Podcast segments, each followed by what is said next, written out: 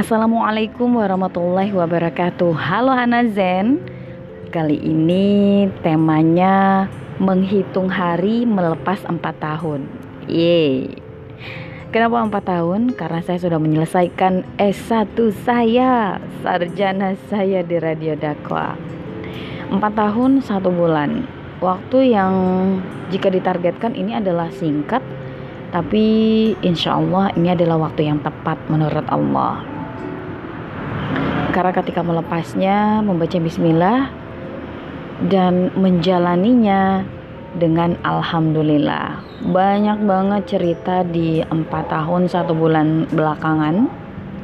Mulai dari berdakwah kemudian juga mengembangkan bakat dan minat serta beberapa kemampuan pengalaman cerita seru. Wah pokoknya banyak banget deh yang paling diingat adalah ketika berdakwah sesama muslim. Wah, ini tantangannya banyak banget.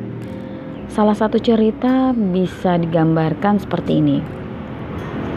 Ketika saya memiliki ilmu yang sedikit lalu diterapkan untuk maslahat atau kepentingan banyak orang. Sholat berjamaah.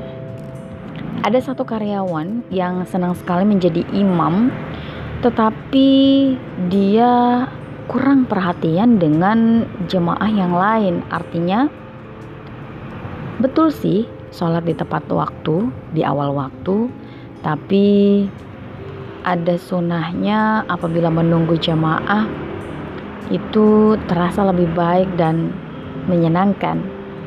Saya pernah menegurnya sekali, mungkin caranya salah karena di depan orang banyak walaupun dengan cara bercanda. Pak, tunggu dulu. Pak, tunggu dulu. Kalau karyawan masih ada yang berwudu, biar nggak ketinggalan. Rasulullah saja rela menunggu atau paling tidak melamakan bacaan Qur'annya di rakaat pertama agar jamaahnya atau umatnya tidak tertinggal sholat berjamaah satu rakaat pertama. Lalu dia menjawab, Iya, terima kasih Ustazah. Kalau aku baper, aku pasti rada gimana gitu ya dengarnya, tapi karena sudah tahu karakternya demikian, ya sudah, aku abaikan. Di lain waktu, Aku berdakwah kembali dengan cara yang berbeda.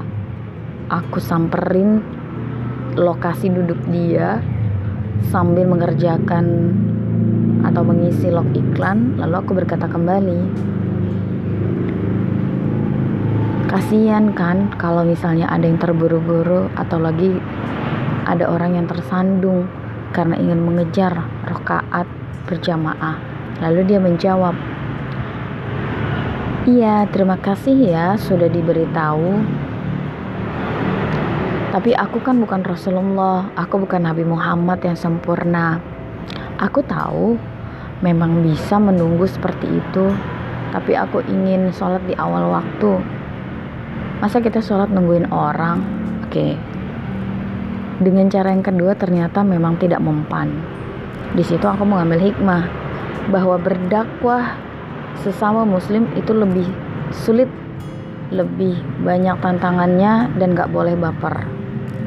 Kalau kita berdakwah kepada orang yang benar-benar awam dia tidak mengetahui tentang hukum kemudian sejarah hadis dan lainnya pasti lebih mudah. Kenapa? Karena mereka akan mendengarkan ini adalah sesuatu hal yang baru.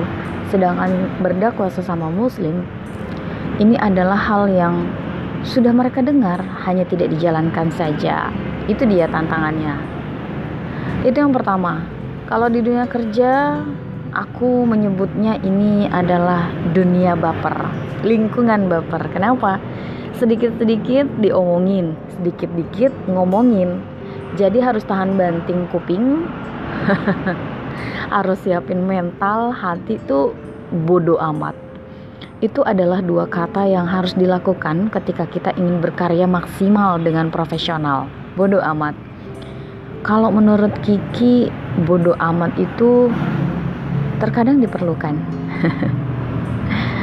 nah ngomongin Kiki saya jadi ingat punya temen argumentasi di sini dua orang saya suka berargumentasi berdebat pintar ya bukan berdebat bodoh. Yang pertama adalah Faizal Andi. Dia cuma 8 bulan di radio dakwah ini tetapi banyak sekali manfaat yang bisa saya ambil ilmu yang bisa saya ambil dari dia. Dia orangnya cerdas dia bisa menganalisis dan dia sangat pemikir. Ketika saya berargumentasi dengan dia menurut dia sih dia kalah tapi menurut saya sebenarnya dia menang. Karena dia berhasil membagikan ilmunya ke saya lalu saya terapkan. Tapi memang basicnya dia bukan penyiar sih. Dia cuma punya ilmu banyak lalu kebetulan aja dia ngelamar lalu diterima. Sebentar saja saya ambil ilmu dia. Yang kedua Maula Ahmad. Dia adalah pria memiliki dua istri guru juga dan banyak sekali yang dia pikirkan sehingga terlihat baper. Padahal sebenarnya dia bisa menanggulangi semuanya itu. Buktinya dia bisa bertahan lama. Ketika saya berargumentasi sama dia banyak banget ilmu yang didapatkan. Pertama dia itu kan orangnya keras kepala. Saya lebih-lebih karena darah Sumatera Utara lebih keras kepalanya dari dia. Tapi setelah kita berargumentasi all about tentang kerjaan, tentang ya banyak hal lah tentang lingkungan di dunia dakwah ini, dia nggak pernah mau ngalah. Justru pesan yang paling saya ingat adalah kasihan suami kamu nanti. Coba jangan terlalu keras kepala atau apa ya intinya dia justru memberikan wejangan bukan yang menjatuhkan melawan balik saya tidak. Tapi dia memberikan pesan kepada saya. Satu lagi teman yang asik itu adalah Rizky Amelia. Dia juga sama nih cuma 8 bulan. Tapi saya belum pernah dapat posisi berargumentasi dengan dia. Yang saya kenal dia orangnya baik berkarya secara profesional kemudian berusaha menunjukkan bahwa Kiki bisa ketika tugas yang diberikan. Saya ketika bertemu dengan dia hanya berbagi ilmu saja dan menguatkan mentalnya. Entah kenapa ya orang-orang daerah itu mentalnya tidak terbiasa kuat. Saya tidak tahu apakah latar belakang dari keluarga, lingkungan tempat dia nongkrong, ataupun memang networking yang mereka temui itu tidak membuat mental mereka kuat. Saya bisa mengambil kesimpulan seperti itu karena orang-orang yang berada di lingkungan saya cenderung pesimis, cenderung bergerak agak lamban untuk berkompetisi. Padahal kompetisi itu bagus tapi tidak semua orang mau mengambilnya dengan positif.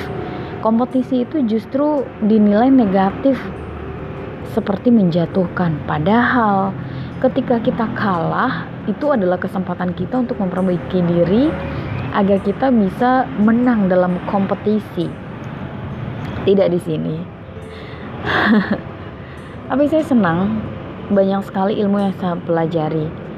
Seperti berusaha untuk menyesuaikan karakter Jawa. Nah, karakter Jawa ini adalah tidak bisa dikerasin, tidak bisa diargumen atau didebatin positif secara keras, tetapi harus ada caranya, harus lembut. Itu saya pelajari pelan-pelan.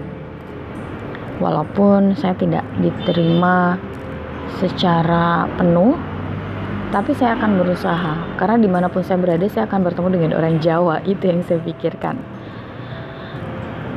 Tapi ada juga orang-orang yang berpikir positif karena dia networkingnya luas begitu ya. Bahkan mungkin mayoritas lingkungannya itu dengan orang Sumatera orang seberang yang mentalnya tuh bajak banget gitu. Ibaratnya ditegur kemudian kalau ditegur dia benar lalu memperbaiki itu nggak masalah ya.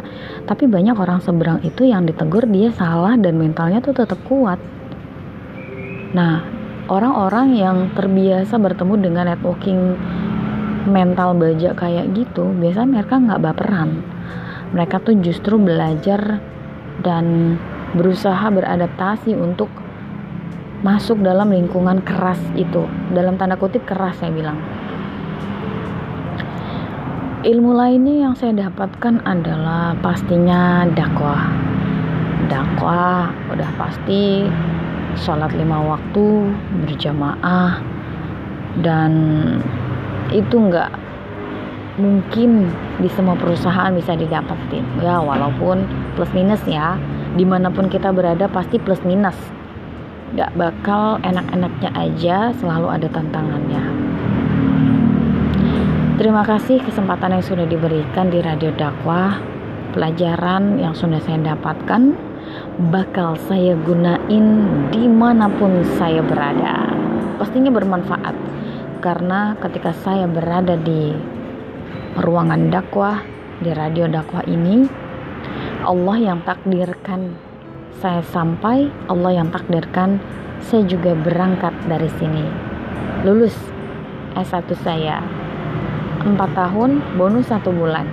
Satu bulan ini saya dedikasikan karena saya berterima kasih selama ini sudah mendapatkan ilmu yang luar biasa. Sekian menghitung hari melepas 4 tahun. Episode kali ini semoga bermanfaat ya salam. Senyum manis Hana Ritonga Official. Wassalamualaikum warahmatullahi wabarakatuh